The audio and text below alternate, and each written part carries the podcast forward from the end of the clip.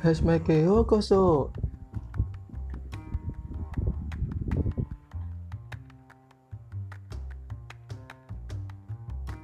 Selamat datang di Hashmake, tempat pembahasan manga, anime, game, dan jejepangan lainnya.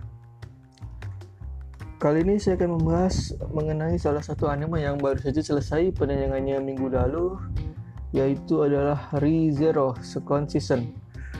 ReZero dengan judul ReZero Starting Life in Another World ini merupakan light novel yang ditulis oleh Teppei Sensei dan Shinjiro Sensei sebagai pembuat ilustrasinya.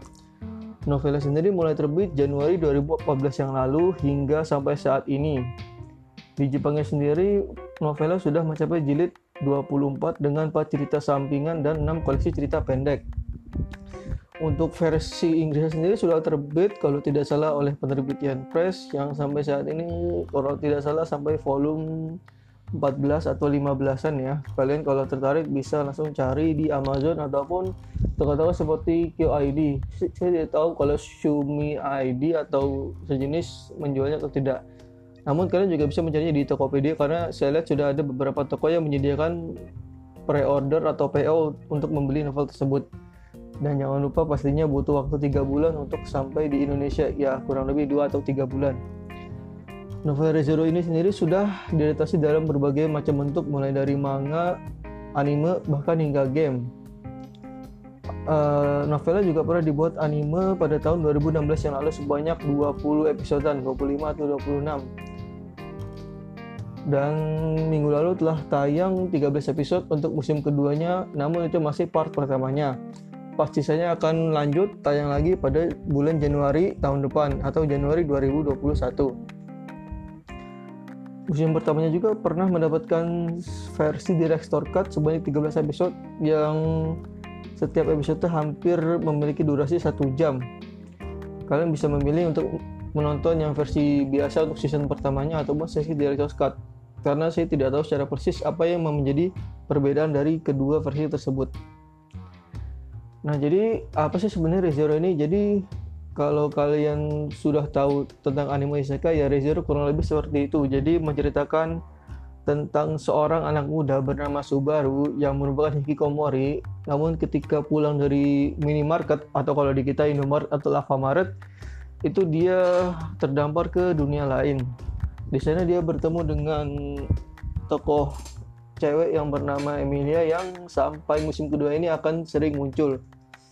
Namun apesnya untuk Subaru ini dia memiliki kemampuan yang tidak biasa yaitu return birthday atau Shinimodoru ya kalau di Jepangnya atau kembali dari kematian. Jadi efeknya kurang lebih seperti namanya. Jadi ketika dia meninggal ya dia akan kembali ke tempat terakhir dia save point. Jadi dengan kemampuan seperti itu dia mencari cara untuk bertahan hidup dan menyelamatkan semua orang yang bisa ia selamatkan. Nah ini dari musim pertama hingga musim kedua kurang lebih sudah banyak sekali ya berkali-kali Subaru ini meninggal. Mungkin kalau dihitung hampir 20 kali lebih dia meninggal. Namun ya cerita ini lumayan menarik karena biasanya matinya dengan cara berbeda-beda dan di setiap looping atau setiap dia hidup itu ada informasi-informasi baru yang kita dapatkan. Namun sejatinya cerita sebenarnya itu timeline tidak berubah-ubah hanya di situ-situ saja. Itulah yang terjadi di musim keduanya. Jadi ada satu konflik yaitu sanctuary dan juga dimensinya ada serangan yang sampai akhir episode yaitu episode 13 minggu lalu itu tidak selesai sama sekali masalahnya hanya menambah banyak masalah. Mungkin yang membuat cukup uh, memuaskan adalah dengan munculnya semua penyihir ya. Jadi di resort ini ada tujuh penyihir yang masing-masing memiliki julukan dari tujuh dosa besar ya. Dan yang memberikan kekuatan Subaru juga salah satu Witch of Envy ya Satella ya kalau tidak salah. Jadi ya mungkin ke depannya mereka akan sering muncul lagi dan semoga saja musim keduanya akan memiliki ending yang lebih baik bulan Januari nanti. Kita hanya bisa bersabar bersama-sama untuk menantinya Ya, jadi di musim keduanya ini melanjutkan setelah musim pertama selesai ketika Subaru dan kawan-kawan berhasil mengalahkan Paus Putih. Mereka kembali ke mansion namun menemukan bahwa rem diserang oleh uh, bisa dibilang pendeta ya dari sekte penyihir ya kalau di Indonesia kan kalau di Inggrisnya mungkin sebutannya beda lagi jadi karena pertarungan tersebut ada beberapa orang yang kehilangan ingatan namun untuk Rem sendiri karena lebih banyak diambil sehingga dia orang juga tidak ingat dirinya dan Rem sendiri saat ini koma atau pingsan ya entah hmm, ke depannya dia akan bangun atau tidak namun kalau Subaru tidak semakin bertambah kuat atau bertambah pintar ya kira-kira akan sulit untuk menyelamatkan karakter yang satu itu. Nah, kemudian mereka berusaha menyelamatkan para penduduk desa yang mengungsi di suatu tempat yang dipimpin oleh Roswell. Dan ternyata tempat tersebut e, memiliki barrier atau penghalang yang membuat orang yang masuk tidak bisa keluar lagi, terutama untuk yang memiliki darah campuran seperti Emilia, Garfield, dan kawan-kawan. Subaru sendiri karena dia bisa keluar masuk jadi dia berusaha untuk menghilangkan segel atau barrier tersebut agar semua penduduk desa bisa pulang dan juga ketika ia pulang ternyata sudah ditunggu oleh serangan Elsa dan kawan-kawan. Elsa sendiri sudah pernah muncul di musim pertamanya dan merupakan musuh pertama yang Subaru temui. Namun kali ini dia muncul kembali dengan senjata yang sama namun dengan modus operandi yang berbeda. Nah, untuk siapa yang mengirim mereka ke Mansion akan dijelaskan di musim keduanya. Kalian bisa menontonnya sampai habis hanya 13 episode.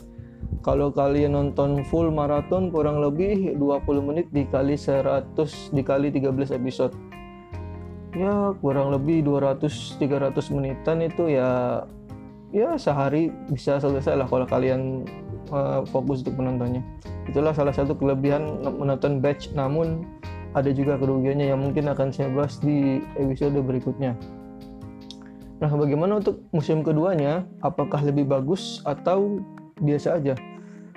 Secara dari cerita, jujur kalau dari saya pribadi kurang lebih stagnan ya. Stagnan dalam artian terkadang ada episode yang kita suka dengan Subarunya atau saya suka dengan Subaru karena dia memiliki pengembangan karakter yang cukup baik terutama ketika dia uh, menjalankan trial yang pertama menghadapi masa lalunya. Namun tiba-tiba entah kenapa episode berikutnya dia jadi kayak karakter yang tidak berguna gitu, mati terus berkali-kali dan tidak ada penyelesaian untuk masalah yang akan dihadapi saat ini. Bahkan dengan sombongnya dia menolak bantuan salah satu penyihir yang memang kontraknya atau bantuan yang dia berikan memiliki resiko yang cukup besar. Namun Subaru saya rasa di akhir episode ini menjadi karakter yang cukup angkuh karena dia merasa dia hidupnya ada banyak, lebih banyak dari kucing. Jadi dia lebih baik mengorbankan diri daripada meminta bantuan kepada orang lain untuk menghindari mereka dari bahaya. Saya rasa itu salah satu sifat yang penting untuk seorang pahlawan tapi yang kuat. Subaru kan kemampuannya nggak ada apa-apa ya dia juga olahraga tidak pernah mengembangkan teknik tidak pernah baca buku belajar juga tidak pernah jadi ya saya merasa kurang simpatik terhadap karakter yang satu ini dia berbeda dengan karakter lain yang diceritakan juga merupakan isekai juga namun yang bertangan satu tapi dia bisa mampu bertarung. Tidak seperti Subaru yang satu ini misalnya cuman ngomong doang. Dan ngomongnya ini kalau mau bener harus nunggu dia mati berkali-kali dulu. Jadi ya sebenarnya Subaru ini tokoh utama yang saya rasa tidak terlalu likable ya. Jadi ya seperti itulah kisahnya. Jadi kalau kalian yang memang tidak suka karakter utama yang seperti ini ya saya rasa jauh-jauh dari Zero namun apa yang membuat anime ini menarik itu pastinya dari ceritanya terlepas dari tokoh utamanya yang mati melulu ceritanya sendiri lumayan cukup kompleks dan senang sekali untuk diikuti karena misterinya bertumbuk-tumbuk terus satu sama lain. Namun salahnya di season keduanya ini tumpukannya ini tidak beres sehingga ya fans harus menunggu tiga bulanan untuk mendapatkan kelanjutannya.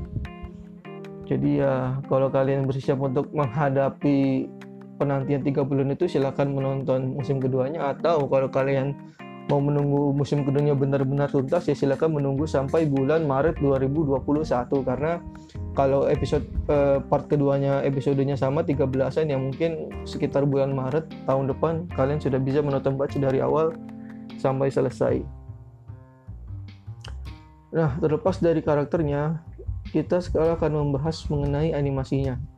Jadi anime buatan studio White Fox ini kurang lebih cukup fantastis ya dalam artian karakternya digambarkan dengan baik, musik yang ada juga cukup menarik, terus backgroundnya juga jelas. Jadi kalau kalian bandingkan dengan background anime lain seperti saya ambil contoh yang baru itu Maori Tribe yang sayangnya pernah tayang di Indonesia secara legal oleh Ponimu namun ironisnya setelah dia berhasil simulcast setelah Maori Tribe selesai Ponimunya juga bubar jadi ya semoga jenis Ponimu akan muncul ya karena yang sekarang ada yang masih besar yang saya tahu ada Animax, Aniplus, Ani One di YouTube dan juga ada Musik Asia di YouTube. Nah, satu lagi muncul saingannya ada dua lagi yaitu ada Sushi Roll salah satunya dan juga ada IKG. Nah, masing-masing dari ini akan saya bahas kalau ada di lain waktu kesempatan. Kemudian kembali ke animasinya. Jadi ya ReZero ini kurang lebih memanjakan mata ya kalau kalian biasa menonton seri-seri dengan animasi yang bagus seperti Sword Art Online ataupun mau gakuin ya kurang lebih itu yang kalian dapatkan ya tapi tidak ada adegan aksinya karena di musim keduanya ini hanya full cerita aksinya ada cuman yang kita lihat ya ketika tokoh utama kita Subaru dibantai oleh musuh-musuhnya ya ya kemudian berikutnya membahas mengenai dialog atau seiyu di dalam anime ini jadi memang beberapa seiyu di dalamnya sudah cukup mempunyai nama ya Contohnya kita ambil tiga karakter yaitu Subaru, Emilia, dan Echidna. Subaru sebagai tokoh utama diisi oleh Kobayashi Yusuke. Dia pada berperan sebagai Sudo Kanami di Darwin's Game dan Senku di Doctor Stone. Jadi ya memang Seiyu ini masih cukup aktif ya. Dan karakternya yang saya sebutkan tadi kurang lebih karakter utama semua ya.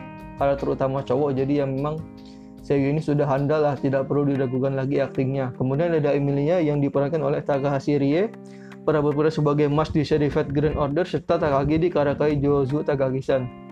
Ya jadi sama dengan Kobayashi Sang ya. Jadi Takahashi Ria ini juga sudah cukup banyak berperan di dunia anime ini. Jadi saya rasa dialog mereka memang cukup baik. Namun uh, Emilia sendiri sayangnya tidak mendapatkan pengembangan karakter yang cukup menarik di musim keduanya ya. Semoga perselanjutnya akan lebih meningkatkan kemampuan atau daya tarik dari tokoh Emilia ini.